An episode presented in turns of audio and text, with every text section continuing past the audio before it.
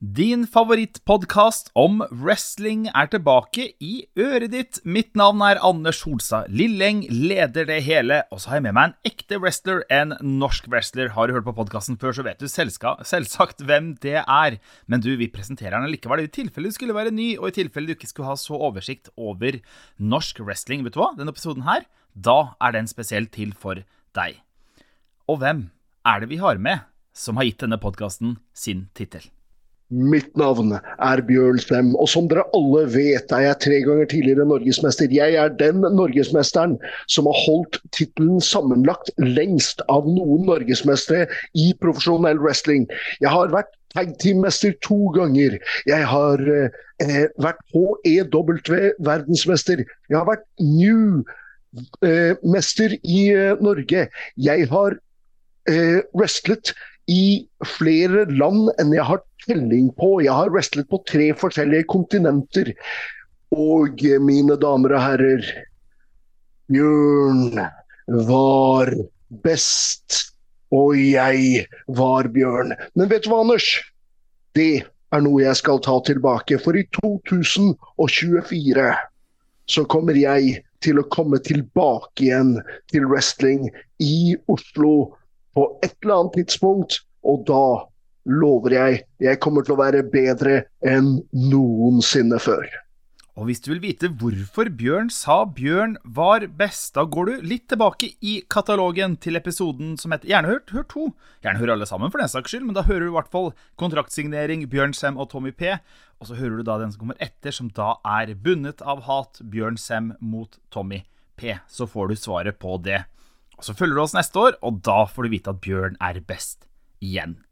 Men du Bjørn, du har jo vært med siden starten av Norges Wrestlingforbund, som da er eh, litt over 20 år siden.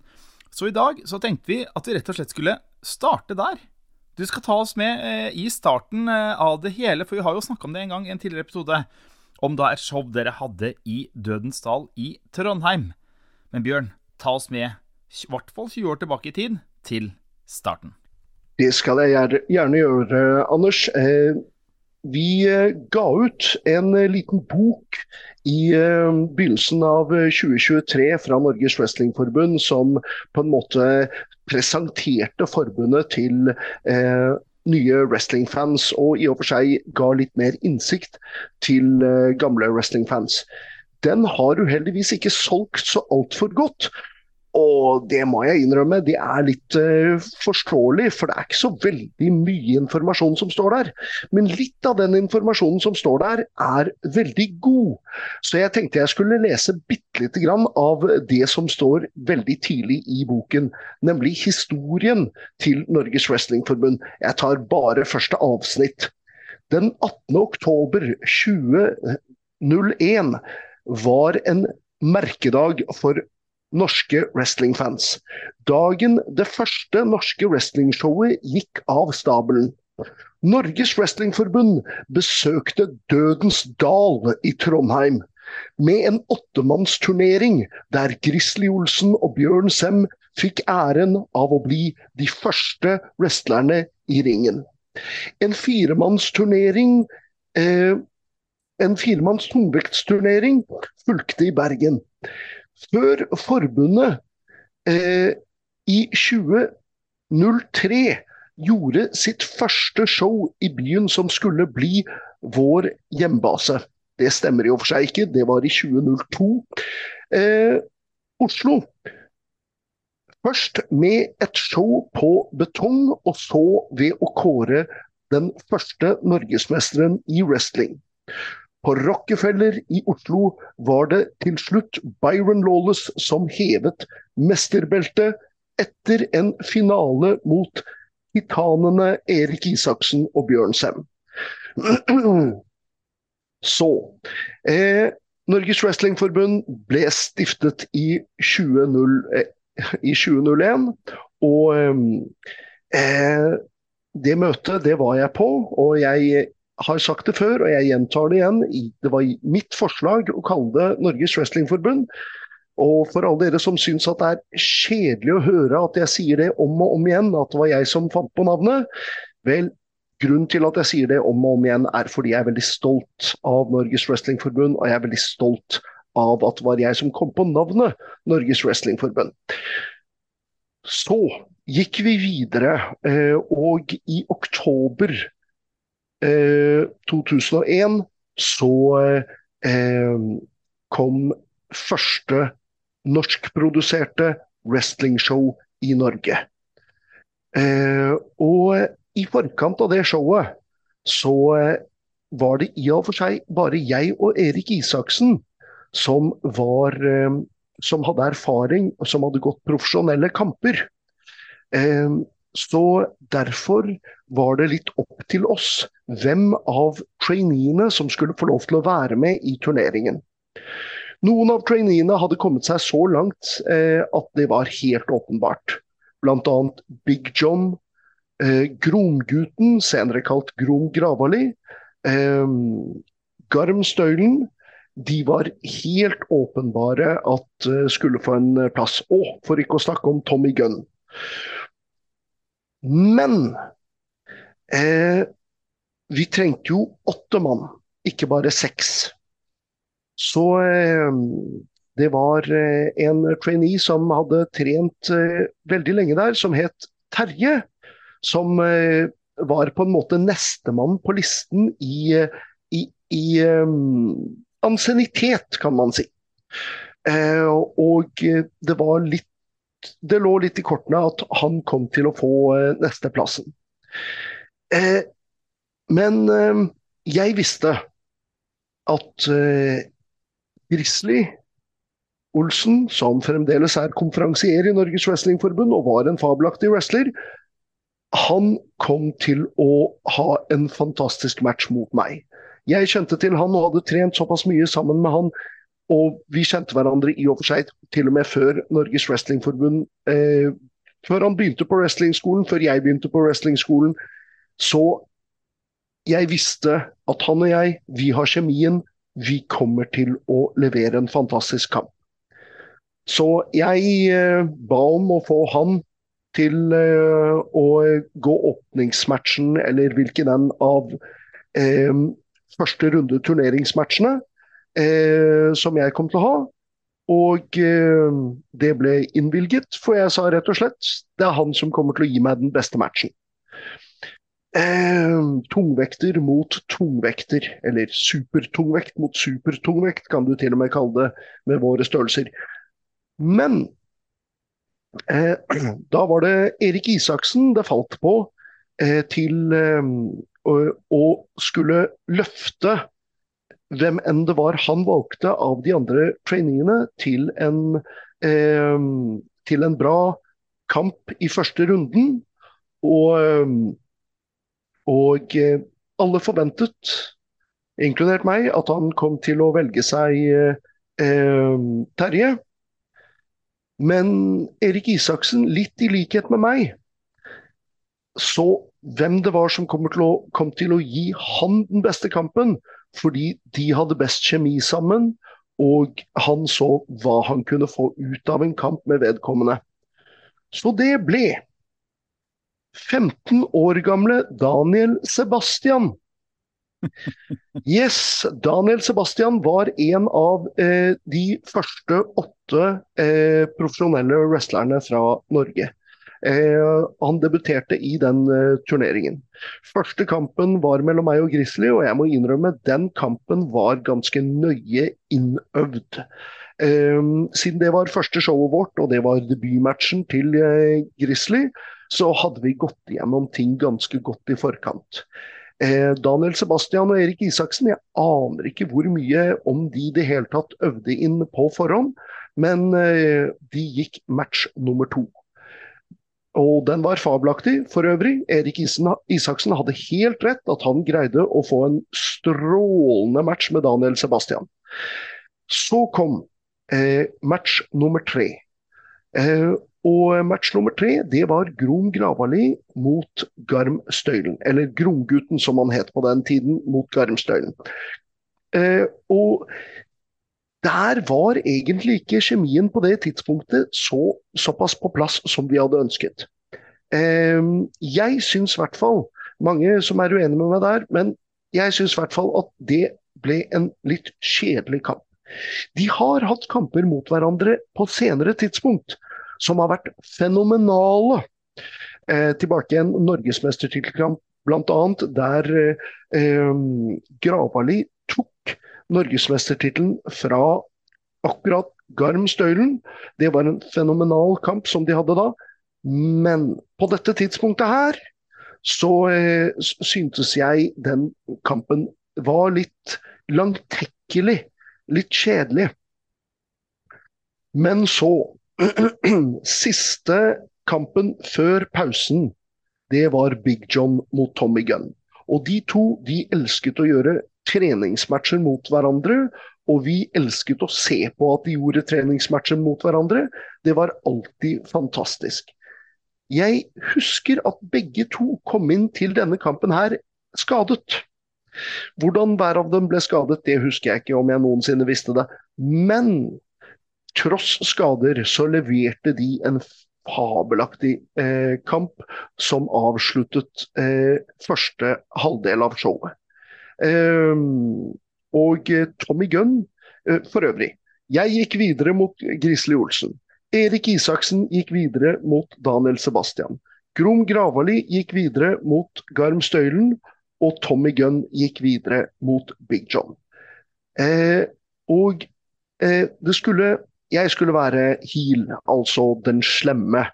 Så jeg eh, fikk åpningskampen, og så var det et fiktivt lotteri på hvem det var som møtte hverandre i neste runde. Eh, og da fikk jeg Tommy Gunn, som vil si at han hadde kampen rett før pausen, og så kampen rett etter pausen. På det tidspunktet rakk Tommy å si fra til meg at uh, han var helt utslitt, og at vi måtte korte ned uh, kampen. Vi hadde snakket litt om hva vi skulle gjøre, men denne kampen var i all hovedsak improvisering. Fordi jeg hadde konsentrert meg så mye om hva jeg skulle gjøre med Grizzly. Og så så det ble interessant sånn sett. Men når vi først kom ut i ringen, så ble ikke kampen kortet ned overhodet. Tommy, han eh, slo meg og slo meg og slo meg og slo meg, og han slo for det meste i hodet, og han slo veldig hardt. Eh, dette sier jeg ikke for å kritisere eh, Tommy, han gjorde sitt beste. Og jeg kan veldig ofte virke som jeg er fullstendig immun mot, å, mot, mot, all mulig menneskelig smerte og juling. Ikke i ringen, jeg kan selge bra, men eh, som et menneske. Eh, og dette var lenge før vi visste hva slags skader jernrystelser og hardslag mot hodet gjør. Så Tommy han bare gjorde sitt aller beste, og jeg har veldig mye kjærlighet uh, for Tommy. For øvrig hadde jeg en løpende vits mot, med Tommy i mange, mange år. Men det kan vi komme tilbake til. Um, Tommy og jeg, vi hadde en fabelaktig kamp som var nesten bare eh, improvisert. Og eh, som varte all den tiden det var satt opp egentlig til at den skulle vare. Eh, hvor jeg eh, vant også mot eh, Tommy Gunn. Og dermed skulle jeg videre til finalen. Erik Isaksen og Gromgutten Gravali de hadde en bra kamp. Og Isaksen, skulle, Isaksen vant. Og Isaksen skulle da gå rett videre fra en eh, hard kamp mot Gromgutten til finalen, hvor han skulle møte meg, som hadde fått en kamp, en lang kamp på meg til å hvile meg. Og det gir jo et inntrykk til publikum av at eh, det er en viss urettferdig fordel for eh, Bjørn Sem. Og eh, jeg og Isaksen, vi leverte jo kanskje den beste kampen vi hadde gjort mot hverandre til da. Vi hadde jo gått mange ganger mot hverandre. To matcher i Danmark og fem, tror jeg, i England. Eh, så vi hadde mye erfaring med å wrestle mot hverandre. Men jeg tror dette på det tidspunktet var den beste singles-matchen vi hadde gjort mot hverandre. Og et godt stykke ut i matchen hadde Isaksen plantet meg midt i ringen. Jeg husker ikke hva det var han gjorde med sannsynligvis powerslammen sin eller noe sånt, for den er nydelig. Og han klatret opp til topprepet. Og jeg forventet ja, han lander sikkert på meg med et elbow drop eller et eller annet sånt noe. Så jeg lå i midten av ringen og ventet eh, på han og hadde øynene på han, og så glei foten hans av det glatte repet og han falt ut av ringen på utsiden. Ned på betongen rett ved siden av sikkerhets, metallsikkerhetsgjerdet som lå der. Og jeg kunne ikke se det, for jeg lå i ringen. Så jeg, jeg, jeg trodde han hadde truffet gjerdet. Jeg var ikke sikker på om han levde eller var død. Så jeg, jeg fikk jo fullstendig panikk. Eh, og eh, etter hvert kom meg opp og titta ned og så at han levde, og begynte å kjefte. Og var liksom sånn eh, OK, skal vi avslutte dette her med at eh, han blir telt ut utenfor ringen, og så bare få han til sykehuset? Det, det, det, var det jeg tenkte. Jeg tror jeg på et tidspunkt sa ifra til dommeren litt sånn om hverandre. Eh, sjekk med ham, hør med ham, tell ham ut. Eh, bare bli ferdig med dette her. Eh, men eh, dommeren sjekket, og Isaksen sa bare gi meg litt tid. Så dommeren fikk formidlet det til meg. Gi Isaksen litt tid. OK, jeg kan stå og kjefte på publikum og få mest mulig oppmerksomhet og hat, og han kan være helt som greier å komme seg opp og komme seg tilbake i ringen. Eh, og så kan jeg ta litt dominanse derifra. Eh, og det var akkurat det som skjedde.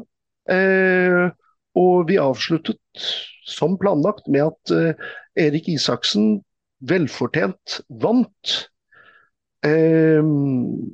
Uheldigvis så holdt han et forferdelig dårlig promo etter han vant. han har lært seg å snakke mye bedre til publikum og hva de vil høre, og hva de ikke vil høre i etterkant. Men tross det dårlige promoet, så må jeg si at Erik Isaksen gjorde en fantastisk jobb i Trondheim, i Dødens Dal, eh, i oktober 2001. Jeg tør påstå at jeg selv gjorde det også, og samtlige av eh, de norske wrestlerne som var med på den turneringen. Vi eh, var veldig glad etterpå eh, og eh, kjørte hjem til Oslo midt på natten. Og da kom det mange dårlige vitser som har blitt sånne følgevitser i Norges Wrestlingforbund når man er på langreise. Som folk som, som har hørt det om og om igjen som vi har i Norges Wrestlingforbund, begynner nesten å le bare fordi det er følgevitser. De, man har på en måte hørt det så mange ganger så det blir morsomt. Mens eh, hadde jeg begynt å fortelle hva disse vitsene var nå til eh, publikummet vårt i podkasten, så hadde man sittet Hæ? Mm. Ja, men det er jo ikke noe morsomt. Skjønner jo ikke hvorfor dette skulle være morsomt. Men midt på natten, etter å ha stått opp kjempetidlig om morgenen, kommet oss hele veien til Trondheim, wrestlet, utslitte, og så på reisevei hjem eh, midt på natten fra Trondheim til eh, Oslo, så eh, var det ikke så mye som skulle til for å få oss til å le. Eh, for vi var overtrøtte, og eh, og, og, og, disse vitsene de var så morsomt, eh, morsomme første gang man sa dem, så eh, de bare fulgte oss i all ettertid. 20 år senere så er det fremdeles midt under en tur noen som peker på et eller annet tilfeldig i veibanen og si, sier 'Å, se der! Hillbilly Jims postkasse'. Ikke sant? Det er tullete ting å si, men mm. det er en del av innsiden av Norges Wrestlingforbund at de vitsene der har blitt dratt videre eh, i evig tid. Hillbilly Jim, for dere som ikke vet det, var for øvrig en wrestler i, i, i, i 80-årene eh, som eh, var spesielt egnet for barn. Eh, og eh, var ganske populær tilbake i midten av 80-årene. Hva tror du det showet her betydde for dere? Altså Når dere kommer hjem, får liksom landa, hva betydde det showet her for Norges Wrestlingforbund? Selvtillit. Det betydde selvtillit. At vi fikk til dette her. Og for øvrig, det var beinkaldt i det teltet i Dødens dal. Mm. Vi så frostrøyken komme ut av munnen på samtlige i publikum. Den frostrøyken, det, det, det ble som en dis Eh, og, eh, men selv om de frøs, og vi så dem dirre av frost, så er jeg nesten helt sikker på at ingen forlot under pausen. Mm. Rett og slett fordi showet var såpass bra. Eh, og vi som wrestlet i nesten ingenting, altså vanlig wrestlingutstyr, eh, tights og alt mulig sånt, vi var nok de varmeste i hele teltet. Fordi den aktiviteten vi drev med var såpass varm. Men som du spurte om, Anders. Eh, det betydde selvtillit for samtlige av wrestlerne og for, forbundet for øvrig, trainees, alle sammen, at dette får vi til. Vi får til å gjøre dette på en ikke bare akseptabel, men høy nivå, eh, høyt nivå måte å levere show til eh, publikum. Så eh, jeg, jeg syns det sto veldig riktig i eh, boken eh, at dette var eh, Dette var rett og slett Jeg husker ikke helt ordet, men en milepæl i mm. norsk wrestling. Det var, eh, det var øyeblikket hvor norsk profesjonell wrestling startet. Um, selv om et par av oss eh, hadde gått profesjonelle matcher tidligere, så, så, så det å ha et ordentlig selvprodusert show, det var fantastisk. Um, vi hadde jo ikke noe ring på den tiden. Så hvordan i verden de hadde fått tak i en boksering som eh, de fikk noen til å gå med på at vi skulle wrestle i, det aner jeg ikke. Og jeg har fortalt om problemene med å wrestle i boksering tidligere, og de var jo selvfølgelig til stede da også. Men vi hadde rett og slett såpass lite erfaring med ringer, så vi tenkte ikke i stor grad over at det var de problemene som var der med at det var en boksering. Vi bare tilpasset oss. Eh, og det er noe man må gjøre som wrestler. Man må tilpasse seg, fordi ting går aldri helt etter planen i uh, ringen. Sannsynligvis, jeg husker ikke detaljert nå, men til og med den kampen mellom meg og Grizzly, som var så nøye planlagt, sannsynligvis så gikk ikke alt etter planen der heller. For det gjør det aldri. Men det gikk veldig nærme etter planen, i hvert fall. Mm. Du, siden det var i, eh, i, eh, Dødens dal, eh, Bjørn, var det da en del av et studentarrangement? For det kan høres ut som at det var under uka eller lignende? Det er helt riktig, det var under uka. Mm. Og eh, jeg vet ikke helt åssen eh, uka pleier å eh, arrangere sine ting, men de var såpass fornøyd, så de ønsket å ha oss tilbake igjen i 2003. Mm. og det var i og for seg det på det tidspunktet, etter min mening i hvert fall, det beste norske wrestlingshowet vi, til da hadde levert. Så um, vi, vi, skapte en veldig god um, kort tradisjon i uh, Dødens dal. Uh, og uh, i 2003 så var det for øvrig innlagt varme, sånn at ikke publikum frøs seg i hjel.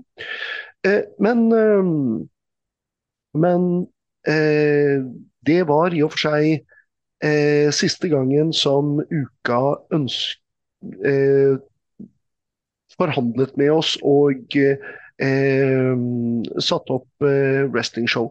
Jeg vet ikke hvorfor det ikke skjedde i 2005, men kanskje de rett og slett, de som da arrangerte, ikke hadde fått med seg de to tidligere showene og hvor stor suksess det faktisk var eh, i 2001 og i 2003. Hvordan var showa på den tida her? For, altså, nå har du hatt det første, og så hadde du det beste, som du sa, så langt, i 2003. Var showa jevne på den tida her, eller gikk det veldig opp og ned? Husker du hvordan det var? Ja, altså eh, Det pleier jo alltid å være sånn at eh, man har noen kamper som eh, leverer litt under forventning, og noen kamper som leverer litt over forventning, og at kamper gjerne er forskjellige. Sånn var det på den tiden også. Eh, men jeg eh, føler at det var en del positive ting på den tiden. Eh, alle i forbundet tok dette bunnseriøst og ville ikke latterliggjøre hva de selv gjorde. Eh, det syns jeg var enormt positivt. Nå har vi jo et mye større spekter av eh, erfaring. Man har sånt som Erik Isaksen og meg og eh, Daniel Sebastian, som hver oss har over 20 års erfaring. Og så har man veldig unge wrestlere som eh, eh, har mye mindre erfaring. Og ja, altså Det å lære av de erfarne, det er veldig positivt. Eh, samtidig så eh, vil det kanskje ikke føles så mye som at dette ligger på deg for å levere.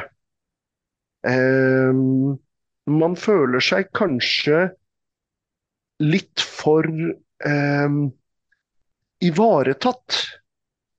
Og um, når man kanskje tar aller mest ansvar og leverer aller best, er når man føler at man har fullstendig ansvar og må prestere. Eh, fordi man, man, man, har ikke noen andre man kan lene seg på eh, for å eh, vise at dette eh, Ja, dette, dette, får vi til. Eh, samtidig, altså Jeg har faktisk alltid vært for, og jeg mener det er en god grunn til det, at man debuterer unge, ferske, nervøse wrestlere mot mer erfarne wrestlere. Både fordi mer erfarne wrestlere vet hva som funker og vet hva som ikke funker, eh, men også fordi unge, uerfarne wrestlere ofte trenger den tryggheten. Eh, samtlige leverte i 2001 i Trondheim uten å ha den erfaringen, alle de seks som debuterte, skal sies når det gjelder Gromgutten. Han hadde vært i to Royal Rumble-kamper i Dan Danmark. Jeg teller ikke det helt som å debutere. Eh, det var ikke en singles eller en tag team-match eller en fatal four-way eller en triple threat eller noe som helst sånt det var på en måte Han var på en måte én av mange som kom inn til en uh, Royal Rumble. Men han var den med tredd mest erfaring fordi han hadde vært i et par Rumble-kamper i, uh, i, Danmark. Uh, så ja. vi, vi leverte samtlige, og alle de tross at kampen kanskje var litt langtekkelig mellom Gravali og Garmstøylen, så den var ikke dårlig. Det var ikke noe som så feil ut. Det var ikke noe som ble latterlig i den. Det var ikke noe hvor de plutselig stoppet og følte at eh, å shit, vi, vi driter oss ut. Alt de gjorde var profesjonelt. Det bare dro litt på seg. Så det var litt grann lavere kvalitet helhetlig på den kampen enn man kanskje kunne håpet. Men de gjorde en profesjonell jobb, de gjorde en profesjonell kamp. Og hadde man sett den kampen helt alene, uten å se resten av showet, så hadde man nok syntes at ja, men det var jo en ålreit wrestlingkamp. Eh, bare det at resten av showet var ikke av den høyeste kvaliteten noe norsk wrestlingshow noensinne har vært, men det var likevel en høy kvalitet fra første showet vårt. Og, eh, og den var kanskje den litt mer langtekkelige av kampene.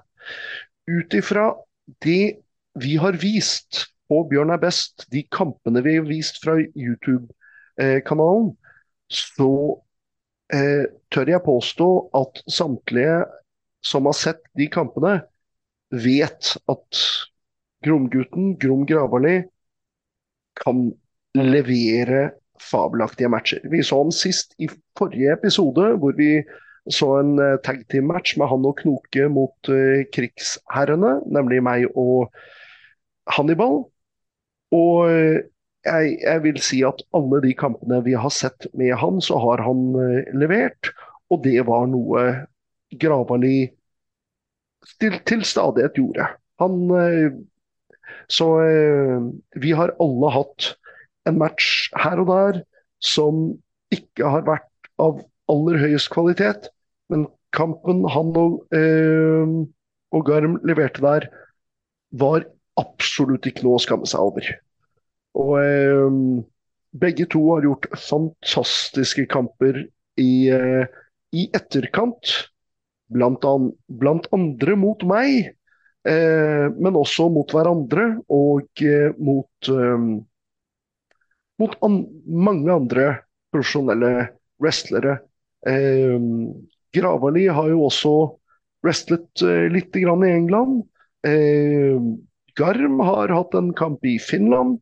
Så dette er også wrestlere som har hatt litt internasjonal eh, erfaring. Hvis vi tar turen tilbake enten til 18.10.2001, Bjørn, eller rundt den perioden der For det er jo da du sier at det er det første eh, norske wrestlingshowet i Norge. Og så ser du fram til i dag. Husker du noe om hvordan publikum var enten i Dødens dal da, eller de første åra, hvordan det er nå? Har dere måttet lære dem opp på et vis? Ja, altså Det kan man absolutt si. Måttet lære dem opp? Nei. Eh, men at de har blitt lært opp. Mm. Ja, og det gjelder i all hovedsak Oslo-publikummet, hvor vi har de fleste showene våre. Mm. Vi holder akkurat nå på å eh, ha en god del show i Bergen, og forhåpentligvis så fortsetter det. Eh, så de holder jo også på å bli opplært som sådant. Og eh, ethvert wrestlingforbund som har publikum som kommer tilbake om og om igjen, lærer på en måte opp publikummet sitt til hva de forventer å se. Um, og uh, man velger på en måte også publikummet sitt ut ifra at man leverer uh, en viss type vare, en viss form for wrestling. Og de som liker det, de kommer tilbake igjen, tar med venner. Eh, de som ikke syns noe om det, ja, men de kommer ikke tilbake igjen. Eh, så på en måte velger man publikummet sitt. Det er en stor tro av en eller annen avsindig årsak innad i bransjen at man skal levere et så allsidig eh, produkt at på samme show så skal man levere death matches med mengder med blod og våpen og tegnestifter som man lander på, og det ene med det andre. Og samtidig ha en super eh, urealistisk eh, komediematch for de små barna. Hæ? Jeg har aldri skjønt den tanken. Eh, Bitte små barn burde ikke bli utsatt for ekstrem vold. Beklager, men Mm. eh, det er i hvert fall min mening. Og eh, voksne mennesker som kommer for å se og, og nyte dette her, og lever seg inn i produktet Hvis man plutselig blir presentert med Jeg vet at ikke alle der ute kommer til å vite hva jeg snakker om akkurat nå, men The Gobbledygooker mot The Ding-Dongs, så, eh, så, så, så virker det så dumt og teit at man ikke lever seg inn i resten av kampene, fordi showet rett og slett virker bare som noe tull. De kan juble der og da fordi ha-ha-ha, der var det noen wrestlere som løp inn i ringen med gjeller på seg, så hver gang som de faller eller blir slått eller noe sånt, så sier de ding-dong i bjellene som eh, de har på seg. Men det er en vits som blir gammel veldig, veldig fort. Mm. Og da blir det mindre fristende å komme tilbake igjen til neste show for det voksne publikummet. Kanskje det er noen av de minste barna som syns at det er morsomt. Ehm, men det vil i så fall være de minste barna også. Idet man er ti år og oppover, så er det der med bjeller ikke fullt så morsomt lenger. Eh, så jeg prøver veldig ofte å forklare dette her til forskjellige eh, wrestlingbookere, til eh, wrestlere. Eh, og som oftest så faller det på ganske døve ører, faktisk. Uheldigvis. Eh, i, eh, eh, I de fleste selskap som vet man hva hvilket publikum man sikter på. Man er, går spesifikt etter OK, vi er ute etter å treffe ungdom. Ja, men hvis vi er ute etter å treffe ungdom, hva vil appellere til ungdom? I wrestling så har det kommet en sånn intern ting, og dette er ikke bare i Norge, det er rundt over hele verden, at man skal prøve å sikte seg inn på absolutt alle. Eh, på hvert show. Og eh, ja, Nei, det, det, er ikke logisk for meg. Er, man lærer opp publikummet sitt til hva de forventer, og man får tilbake det publikummet som liker det man leverer. Og så eh, bygger man opp eh, et større publikum ut ifra at ordet sprer seg, og flere og flere får vite vet du hva, dette var fantastisk, dette er det du har å forvente deg. Så må man velge. Ja, er man interessert i å få familier med barn generelt sett under ti, hvor de tar med eh, bare for de minste barna? Er man interessert i å få eh, ungdom, og gjerne barn over 10-12 årsalderen, da må man være litt mer rebelske og litt mer sånn kule i eh, formen. Eh, er man ute etter et mer eh, voksent og eldre tenårende publikum, unge voksne, er man ute etter et eldre publikum som vil gå hovedsakelig på nostalgi av wrestling og eh, at man greier å levere til dem? Eller vil man ha et ekstremt eh, publikum som syns det er kult med eh, de mest ekstreme tingene fordi ja, det er sjokkerende å, uh, å, se. Dette er absolutt forskjellige typer publikum. Og jeg sier ikke at hver kamp burde se lik ut. Definitivt ikke. Men for hver av disse publikummene så går det an å levere veldig mange forskjellige eh, typer matcher innenfor eh, det å appellere til det publikummet man er ute etter. Det er i hvert fall min tanke om eh, hvordan man bør appellere til publikum. Og jeg vet hva som er mitt publikum. Jeg vet hvem jeg har lettest for å appellere til. Jeg kan ha karisma for små barn også. Jeg kan faktisk være barnevennlig, tro det eller ei. Men det publikummet som jeg sikter på å appellere til, det er en kombinasjon av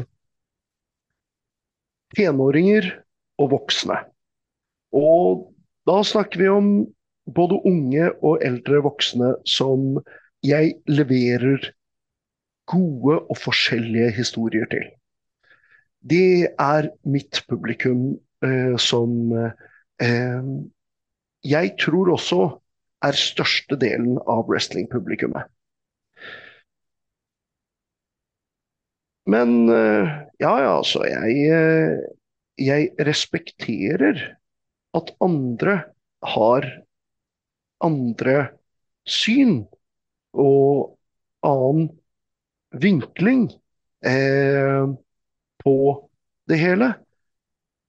Men jeg syns det er veldig greit å fortelle mitt syn, og å kunne eh, å, å kunne diskutere dette her.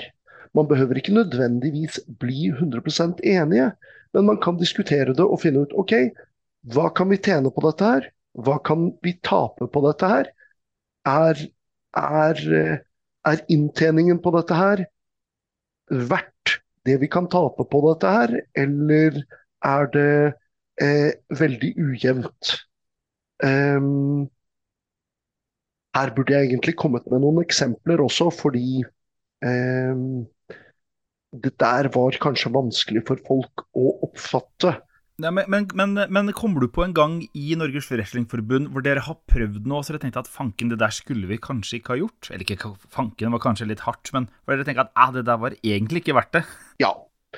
Uh, det har vært et par uh, hardcore-matcher hvor uh, det, der, det der var vel strengt tatt egentlig overdrevet og ikke verdt det.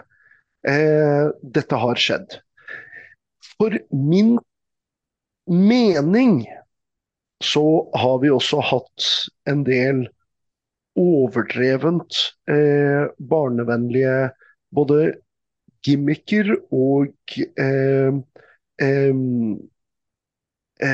og situasjoner eh, som har blitt planlagt og oppstått, hvor jeg mener at vi ikke tjente på det. Men det er diskutabelt. Det er ikke alle som er enig med meg i akkurat det. Um, vi hadde en situasjon hvor ja, en uh, ung wrestling trainee ble, um, ble kidnappet. Uh, og publikum det var helt åpenbart at publikum var ikke med på det der. Og det er jeg 100 enig i, fordi for noe tull. Eh, det skjer ikke. Det skjer ikke i noe som helst som tar seg seriøst. Men det skjedde på et tidspunkt i Norges Wrestlingforbund at det var, et, det var noe som ble forsøkt. Tanken var vel videre at vedkommende kom til å komme tilbake da hjernevasket av de som hadde kidnappet ham, og så være på deres side. Dette var bare en horribel idé som aldri burde blitt eh, eh, forsøkt. Men ja, nei, eh, gjennom 20 år så har Norges Wrestlingforbund generelt sett levert fantastiske produkter men med et produkt der man til stadighet skal finne på nye ting. En gang iblant så kommer feil til å bli, bli gjort. Og jeg mener at det ikke er noen som forsvarer det der lenger. De som fant det på også, de, ehm, de eh, så publikumsreaksjonen, og eh, jeg er ganske sikker på at samtlige innrømmer at dette var en dårlig idé. Um, så ja, sånn skjer. Um, forhåpentligvis så var publikum såpass indoktrinert i produktet vi vanligvis leverer, eh, til at de tilga den eh, bommerten der, og eh, kommer tilbake om og om igjen. Kan være at vi mista noen nye publikum på dette her, som bare tenkte ah, uff, nei, dette er for dumt. Men av de publikummene som vi har som kommer tilbake om og om, om igjen, så tror jeg ikke vi mistet noen, rett og slett fordi wrestlingen vi leverer, er vanligvis og ja, 95% av gangene såpass høy kvalitet at eh, eh, de kommer tilbake uansett. Og når jeg sier 95% av gangene, så mener jeg eh, at 19 eh, av 20 matcher leverer eh, varene. Eh, og den 20. matchen var kanskje ikke så altfor bra, men litt i likhet med det vi snakket om tidligere i forhold til eh, Gravali mot Garmstøylen på det første showet vårt, så var den profesjonell. Mm. Eh, kanskje ikke alltid så bra som den matchen mellom Gravali og eh, Garmstøylen fra det første showet, men vi har ikke matcher som ser uprofesjonelle ut som er um, Ja, rett og slett teknisk sett dårlig utført, og hvor publikum står igjen med hakeslepp på 'hæ'? Det der var ikke logisk. Mm. Situasjonen hvor vi hadde den kidnappingen, det var et sånt øyeblikk hvor publikum sto igjen med hakaslepp og bare 'hæ'? Mm. Dette tror vi ikke noe på, dette er ikke logisk. Men det må jo også være noe av utfordringa i å eh, Nå skal jeg dra det litt langt, kanskje, men altså, wrestling er jo på et vis noe erkeamerikansk. Fordi det er, det er den amerikanske wrestlingen publikum hovedsakelig har hørt. Så hvilke utfordringer har da ligget å gjøre noe kan si anførselstegn, erkeamerikansk på norsk? Ja, ja, det var et veldig godt spørsmål. Fordi eh, Selvfølgelig er vi veldig påvirket av den amerikanske wrestlingen. Men den amerikanske wrestlingen, altså, man må huske på at USA er et veldig stort land. Med veldig mange områder. Og eh, når folk eh, snakker om amerikansk wrestling, så tenker de vanligvis bare på det som nå heter WWE. Før i tiden het WWF. Men eh, vi er påvirket av mange andre faktorer fra USA også. På nåværende tidspunkt så har man jo AEW. Eh, man hadde en periode at TNA var eh, en påvirkningsfaktor. Jeg tror ikke de er det li i like stor grad lenger, selv om de fremdeles eksisterer. Eh, men NW NWA, eh, National Wrestling Alliance, som har blitt gjenopprettet og eksisterer igjen, men eh, når vi snakker om påvirkning, så snakker vi hovedsakelig om tilbake NWA fra 1980-tallet. Eh, og muligens også til en viss grad 70-tallet. Eh, og det er med på å påvirke i en veldig stor grad. Eh, man har eh, lucha libre wrestling, som selvfølgelig påvirker en del. Man har japansk wrestling, som påvirker en god del. Og vi her i Norge, for ikke å snakke om engelsk wrestling, vi har blitt veldig påvirket av engelsk wrestling. Det var jo i England Erik Isaksen ble lært opp. Og Erik Isaksen har jo vært den som ble hovedlæreren i Norges Wrestlingforbund etter hvert, men startet som wrestlinglæreren som lærte oss alle opp til å wrestle. Så eh, Vi drar inspirasjon fra alle disse plassene. Og det produktet vi leverer til publikum, tør jeg påstå har dratt inn veldig mange gode elementer fra de forskjellige stedene.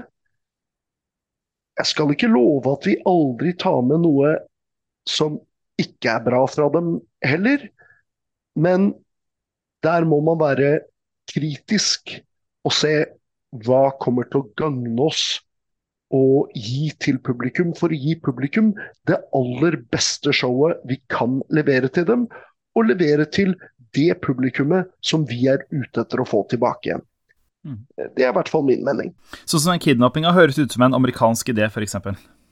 Å ja. Oh, det har det vært veldig mye av, spesielt i AEW. Mm. Dæven steike, det var jo en stund hvor de kidnappa folk annenhver uke. Ja, eh, så det er en eh, det, det, er en I all hovedsak, jeg vet ikke om det startet i USA, men eh, det er i hvert fall en idé som har blitt gjennomført av AEW, TNA, til og med WWE har gjort det en gang i tiden for lenge, lenge siden. Kanskje de også lærte, akkurat som oss, at dette var en dårlig idé. Mm. Men mange andre forbund har gjort det, og man har jo sett WWE gjøre mengder med bommerter gjennom tidene. Mm. Jeg kommer ikke til å nevne opp historien om hva som skjedde med Katie Wick, som, som, som, som er et påfunnet navn. Eh, men eh, for, for, dere som eh, lurer på hva noe av det verste WWE noensinne har funnet på å gjøre, mm. er, så kan dere søke opp Katie Wick og lese den historien der. Det, det er så usmakelig at det, det hører ingen, sted, ingen steder hjemme.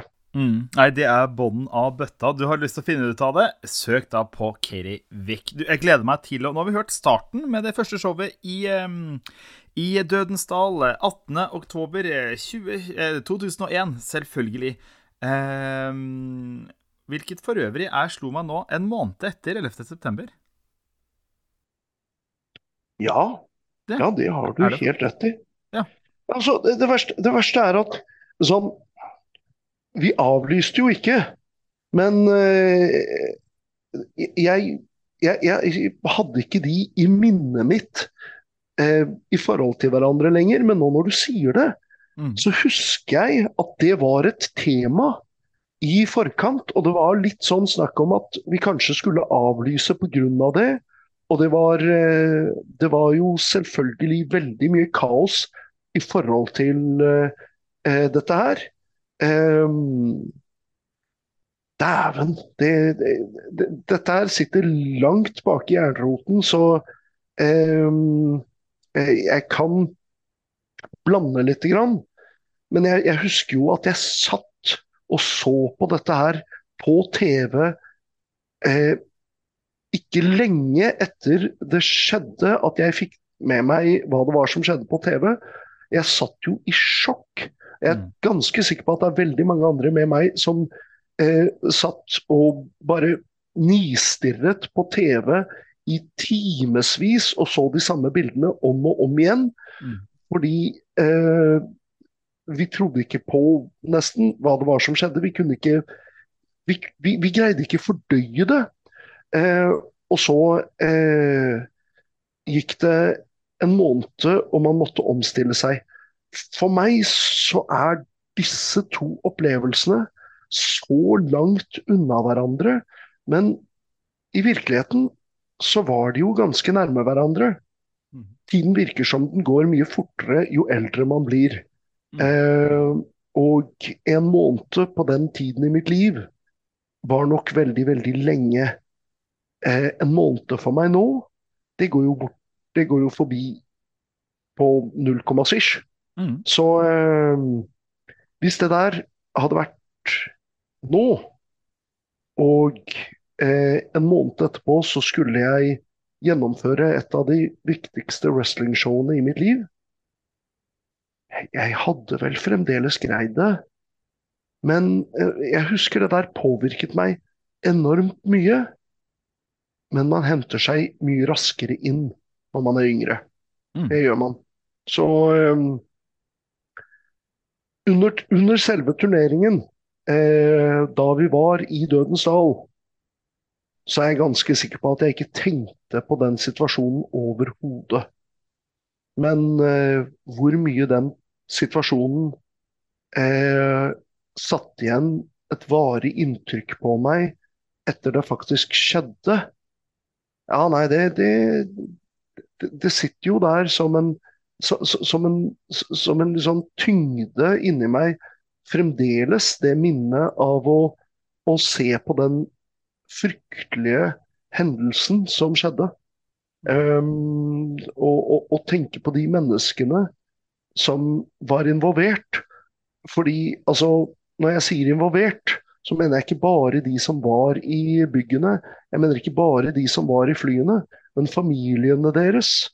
Og hvor mye det hadde å si for, eh, for sånn eh, Menneskene Altså, folk må jo ha blitt livredde. Jeg er sikker på at det er mennesker som fremdeles, uten at de hadde familie involvert, men bare at de bodde eh, noe sted relatert, som, som går rundt fremdeles med, med angst pga. Eh, den hendelsen der. Men nå, Bjørn, nå skal vi til et sted ca. midt mellom nå og det første showet, tror jeg. For vi skal til ukas kamp. Jeg har ikke helt klart å få datoen på når kampen foregikk, men den har vært lagt ut tidligere av Norges Wrestlingforbund for ni år siden. Så det er jo mulig at den kampen er fra ca. 2014. Kan det stemme? Vi skal da se deg mot eh, Sven Berg. Kan det stemme at den er rundt 2014? For det er hvorfor den er lagt ut, i hvert fall som en del av Tid for deng. Det kan stemme veldig godt. Eh, og eh, ja, det gi litt bakgrunn på meg mot Sven Berg. Fordi Sven, eh, fabelaktig menneske eh, Vi Så da han kom på tryout til Norges Wrestlingforbund for å få lov til å begynne å trene på wrestlingskolen, så Sven har en Den ene armen er veldig mye kortere enn den andre. Den er eh, Den er eh, litt misformet, den ene armen hans. Og det er en sånn ting som er veldig åpenbart eh, for publikum. Så jeg, jeg, sa til ham da han var på tryout Du må være klar over at alt du gjør fremover i wrestling, kommer til å ha fokus på armen din. Det kommer alltid til å være historien som går igjen og igjen og igjen. Det, det, hvis du er forberedt på det, og du takler det, da kan du bruke dette som en stor fordel. Hvis du ikke takler det, da vil jeg egentlig ikke anbefale deg å uh, gå inn i dette her, for det er sånn det kommer til å være.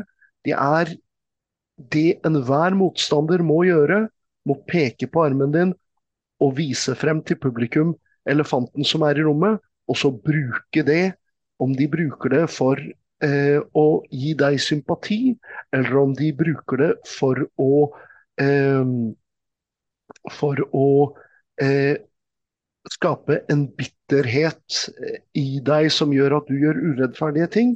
Det, det spiller ingen rolle, men uansett så kommer det til å være en ting du aldri kommer til å komme deg unna i ringen.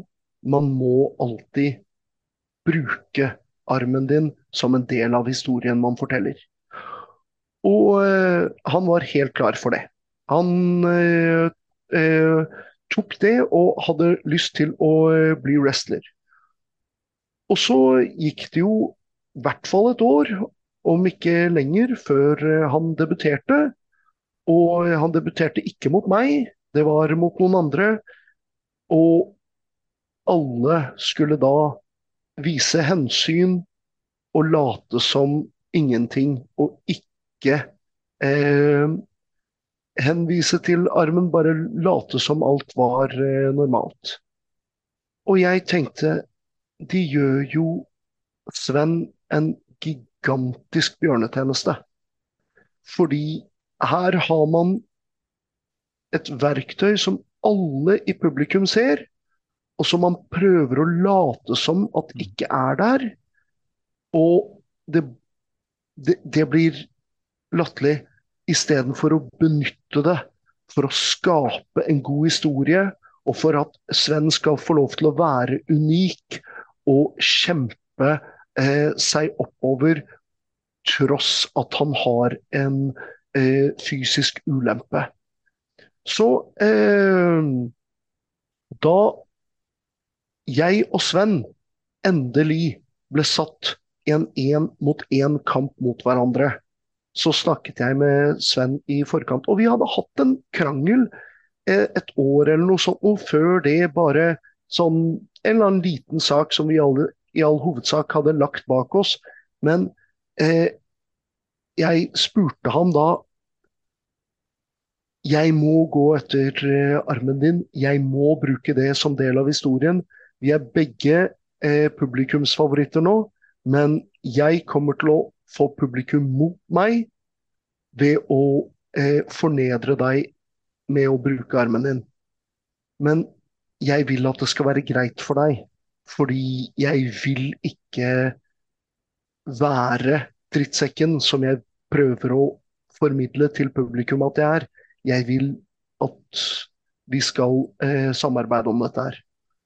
Og eh, Sven godtok det, og jeg så han var sånn, litt sånn småskeptisk på det tidspunktet, selv om han noen år tidligere hadde sagt at uh, det var helt greit, så hadde han på en måte vendt seg bort fra det. Men da vi gjorde den kampen Dere kommer til å se hva som skjer, og jeg håper vi får med lyden eh, fra hva jeg sier i forkant av den kampen. Og eh, jeg er veldig fornøyd med denne kampen. Jeg syns den ble veldig bra. Og eh, etterpå så eh, eh, var det en omfavnelse mellom eh, meg og Sven.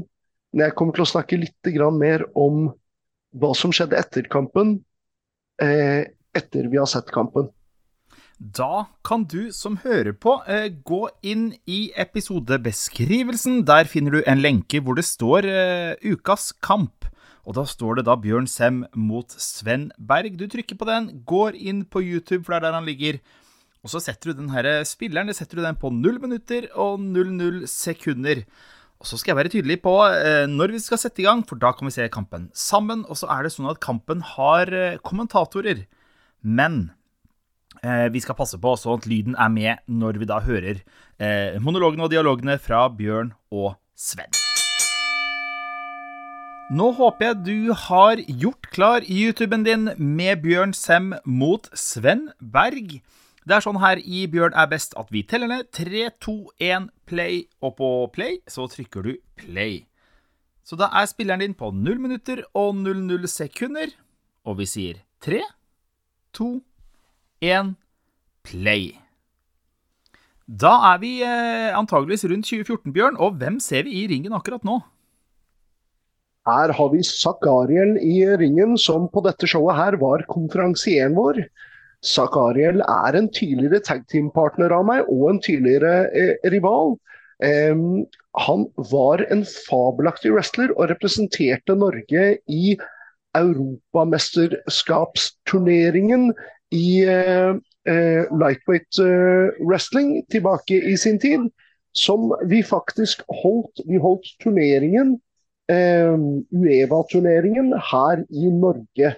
Og Zakariel kom til semifinale, men ikke lenger.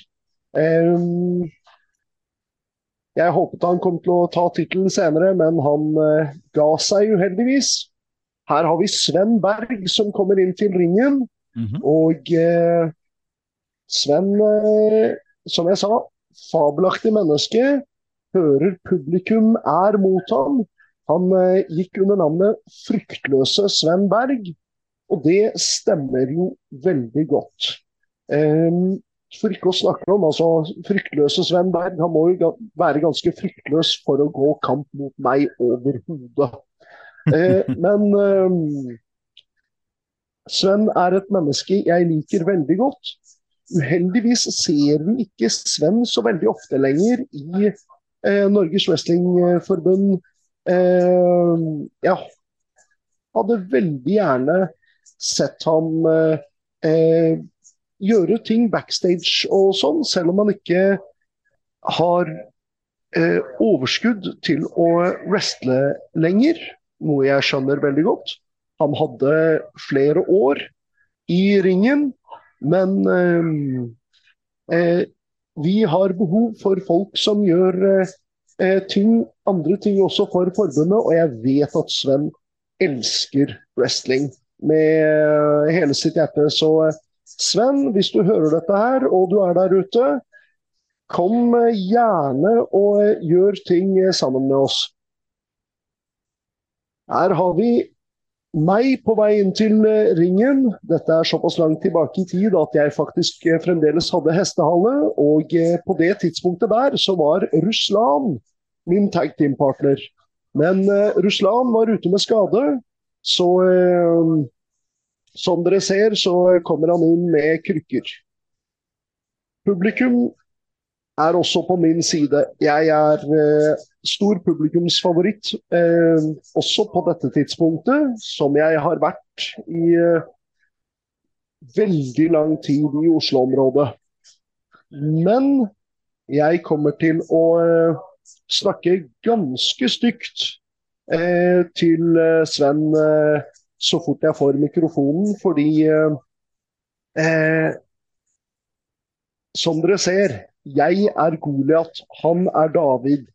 Han har en eh, arm som er eh, misformet. Jeg vil ha sympatien på han, mens jeg sånn sett midlertidig kan være det store, slemme monsteret som han må prøve å overvinne.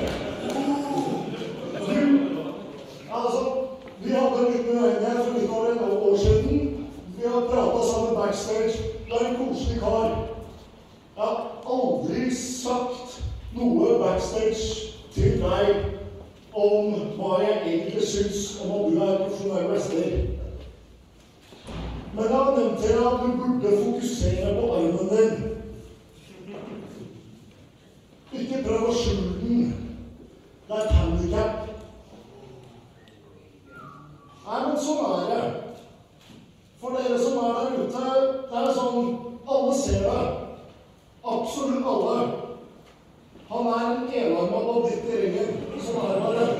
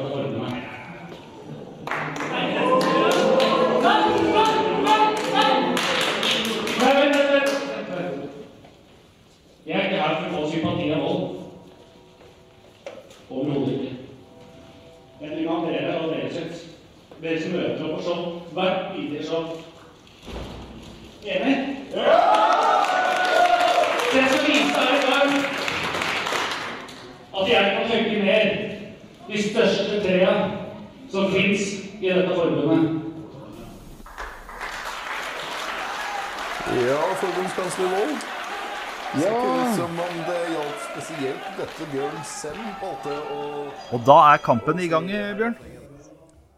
Ja, det er den. Og eh, som dere ser, Sven går eh, umiddelbart ut etter meg.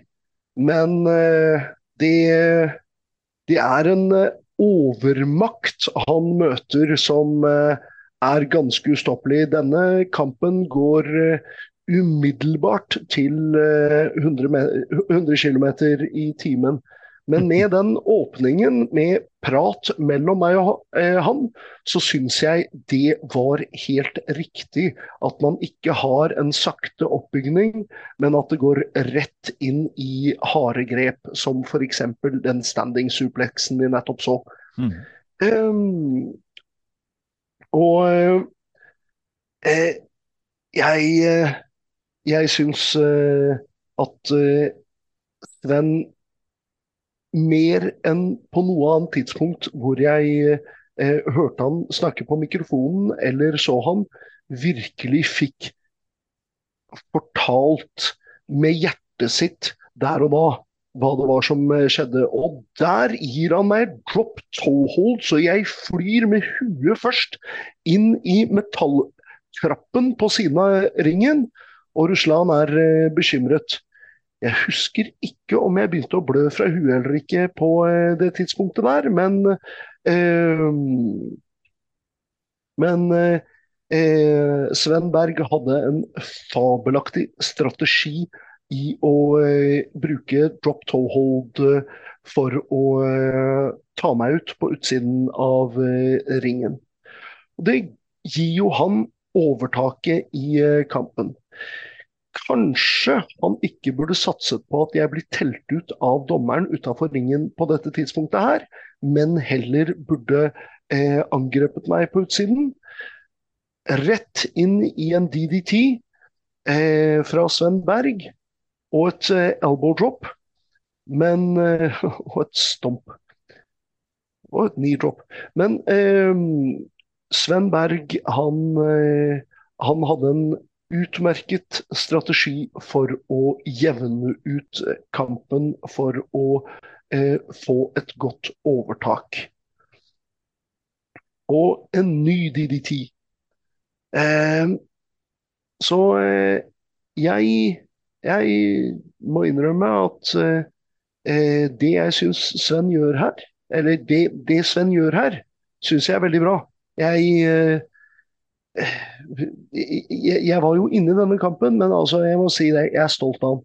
Og eh, her kommer sendoffen fra meg, og han dukker en clothesline og løper rett inn i en big boot fra meg. Lyskestrekket kommer, og eh, smerten er åpenbar. Eh, men jeg er fremdeles ganske groggy fra det han har gjort. Og eh, løper han ned med en ganske dårlig shoulderblock, må jeg innrømme. Um, og et axe-kick mot nakken hans. Eh, så Sven tar imot mengder med juling her, etter jeg har tatt imot en av de beste salvene jeg noensinne har sett han eh, levere. Og det er ikke for å si noe negativt om de salvene han pleide å levere, men eh, jeg syns det der var fabelaktig fra Svens side på strategi. Hva gjør man med en mann som er så mye større? På dette tidspunktet veide jeg sikkert 150 kilo. Eh, vi ser at vi veksler en del, og elbow-droppet som jeg hopper over Sven Berg for å eh, levere der. Jeg har alltid ment at jeg greier å levere elbow drops fra en hvilken som helst posisjon så lenge motstanderen ligger nede. Så kan jeg stå hvor som helst rundt motstanderen og levere en perfekt elbow drop. Sven Berg kner meg i eh, hodet når jeg kommer med forsøk på standing suplex nummer to, og benytter da det at jeg holder på å miste han fremover, til å lande på utsiden og closeline meg med, eh, med topprepet over eh, brystkasse og hals. Han følger opp fra topprepet, og jeg tar ham imot. Eh, og eh, eh, powerslammer ham, så sentoner ham. Så eh, dette er en hardt, hardt eh, slående kamp, altså med veldig tunge moves. Og her sakker jeg ned farten en del, fordi nå har det vært så mye tungt. Eh, og gir ham eh, et variant av en chinlock før jeg denger ham ned og prøver å pinne ham. Men fryktløse Sven Berg fryktløs. Han gir ikke opp. Han eh, får opp skulderen, og eh, kampen fortsetter.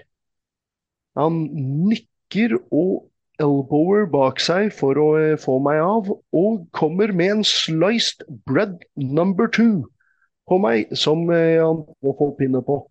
Det, jeg eh, Jeg eh, tilbake alle de årene siden, og eh, ja, jeg mener at dette er en veldig kul kamp å se, og der ser man et tungt spark fra meg. Og en ganske mislykket forsøk på en polar bear bomb. Eh, fikk ikke ordentlig tak i ham, så landingen ble ikke perfekt. Men eh, den var nok hard nok til å ha den nede en god stund, mens jeg klatrer opp til topprepet, frog splash, og lander på Sven Berg. Hmm. Én, to, tre. Dette er ikke i nærheten av den lengste kampen som vi har vist på eh, Bjørn er best, men jeg syns det er en svært bra kamp. Mm. Og etter kampen, når eh, både Sven la merke til hvor mye jeg traff hjerteroten hans med det lille jeg sa. Jeg sa det såpass forsiktig at publikum kunne komme tilbake igjen på min side etterpå. Å, ja, jeg setter opp til Bjørns balleskalle her. Det er ulovlig. Jeg hadde blitt diskvalifisert om jeg hadde gjort det i løpet av kampen.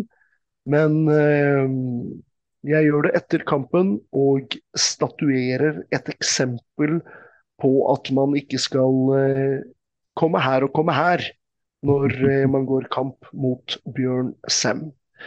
Sven Berg eh, har vondt der alle menn vet at det gjør vondest å eh, få et eh, Å bli skallet, sparket, slått, hva nå enn det skulle være for noe. Men tross dette, Sven Berg, da han kommer backstage og eh, eh, han snakker med meg backstage, så omfavner han meg og takker meg for eh, kampen, og jeg takker han for kampen. Og eh, Sven har gjentatte ganger senere fortalt meg at gjennom alle wrestlingkampene han har hatt, så er dette favorittkampen hans.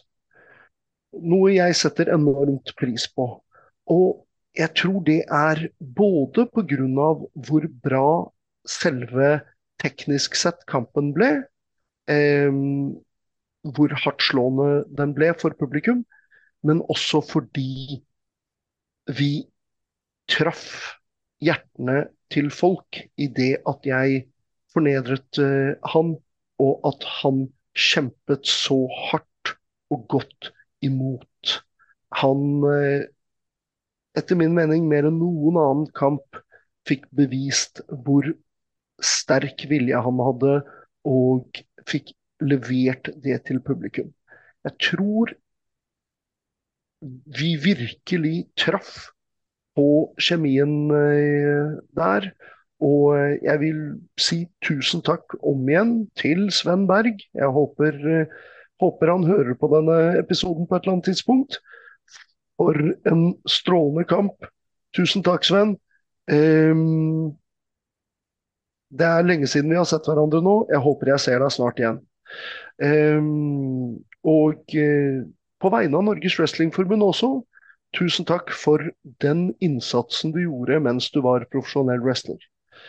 Um, jeg, jeg tror, og jeg, jeg er nesten sånn bestemt sikker på at flere skulle turt å gå den retningen jeg gikk, med å eh, benytte på forskjellige måter det med armen mot ham. Eh, jeg tror det hadde truffet publikum veldig, veldig sterkt, og det gjorde i denne kampen her. Selv om jeg ikke jobbet på armen hans. Jeg, eh, jeg, jeg angrep ikke det som et svakt ledd, men jeg, jeg brukte det emosjonelt for å fortelle en historie til publikum. Og Sven levde seg 100% inn i det, og det var nok ganske så fra direkte fra hjertet han fortalte det han fortalte, og eh, han kjempet i kampen. Og wrestlingmatcher er aller best når man selv i wrestlingkampen som wrestler til en viss grad tror på den historien man forteller. Man lever seg fullstendig inn i den. Den er på mange måter ekte. Jeg, jeg tror vi fikk til dette her med denne kampen, og eh, jeg tror publikum opplevde akkurat det. Mm. Så jeg håper at eh, dere som er publikummet der ute for Bjørn er best nå, liker å sette pris på denne historien og denne kampen eh, nesten like mye som det publikum som var til stede, gjorde. Fordi altså Det å oppleve det live, og ikke få høre de tingene som har skjedd backstage osv., det er jo selvfølgelig en sterkere opplevelse enn å, eh, å se det på video og høre alt backstage og sånn. Men det er liksom det vi driver med på denne podkasten. Vi gir mer innsikt i hva det er som skjer backstage, hva det er som skjer eh, Hvordan wrestlerne kommuniserer med hverandre, hva det er som egentlig foregår, foregikk. Men samtidig så prøver vi å ikke bryte alle eh, følelser eh, for dere som eh, lytter og ser på. Eh, så det er derfor, når jeg snakker om hva det er som har skjedd, så forteller jeg alt om hva wrestlerne kommuniserte, hva det var. At jeg og Grizzly den første kampen, vi øvde ganske nøye på den. Det gjorde ikke jeg og Sven. Vi, vi hadde et par ideer om hva som skulle skje der ute. Noe skjedde, noe skjedde ikke. Eh, men eh, det at eh, jeg forteller om hva det var som skjedde før i tiden, hva det var vi kommuniserte før i tiden, det gir en god innsikt, håper jeg, til publikummet vårt. Samtidig som det som skjer nå i wrestling, det Norges Wrestlingforbund, HEW eller noe annet forbund leverer akkurat nå, prøver jeg å være litt mindre eh, åpenbar overfor hva som var intensjonene til booker, eh, matchmaker, backstage. Fordi eh, jeg tror det blir mer spennende å komme på showene våre og oppleve hva det er som foregår akkurat nå, av at jeg ikke er helt åpenlys på alle tingene som skjer backstage. Eh, på nåværende nå, nåtidens produkt. Derimot, om vi fortsetter denne podkasten løpende fremover i eh, et år eller to, så skal du ikke se bort ifra at det kommer noen backstage-historier om hva det var vi tenkte, og hva det var vi eh, prøvde å formidle til publikum mm. på nåværende tidspunkt backstage-historiene fra nåværende tidspunkt syns jeg burde få litt tid på seg før jeg leverer dem til, eh, til lytterne våre. Mm. Så jeg, jeg, håper lytterne er fornøyd med det produktet som vi leverer i Bjørnar Best. Jeg håper dere syns det er litt morsomt, litt interessant, litt spennende, og at det appellerer på en slik måte at dere ønsker å komme og se på mer wrestling. Om det er WWE, om det er gammel NWA, om det er AEW, TNA, MLW, eh, East Coast Pro Wrestling, eller hva det skulle være for noe. Aller helst selvfølgelig Norges Wrestlingforbund, Bergen Pro Wrestling, eh, Norsk Elitewrestling, eh, og gjerne for den saks skyld HEW, FCF eller Slam Wrestling Finland. Men jeg håper dere får lyst til å se mer wrestling.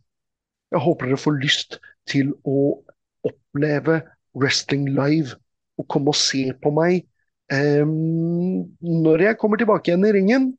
Um, før jeg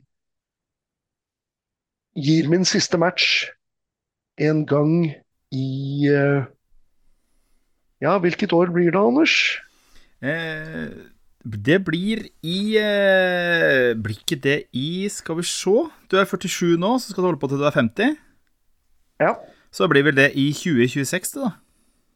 Ja, 2026-2027 blir mm. da det eh, året hvor jeg eh, er 50, og eh, i løpet av det året jeg er 50, så kommer min siste kamp til å finne sted. Mm. Et eller annet sted.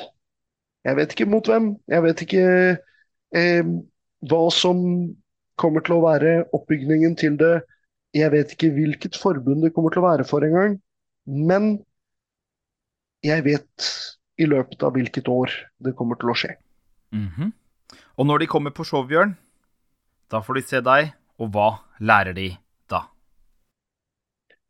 Når de kommer på show, og jeg kommer til å komme tilbake i ringen, da kommer de til å gå fra showene etterpå og ha lært at igjen kommer Bjørn til å være best.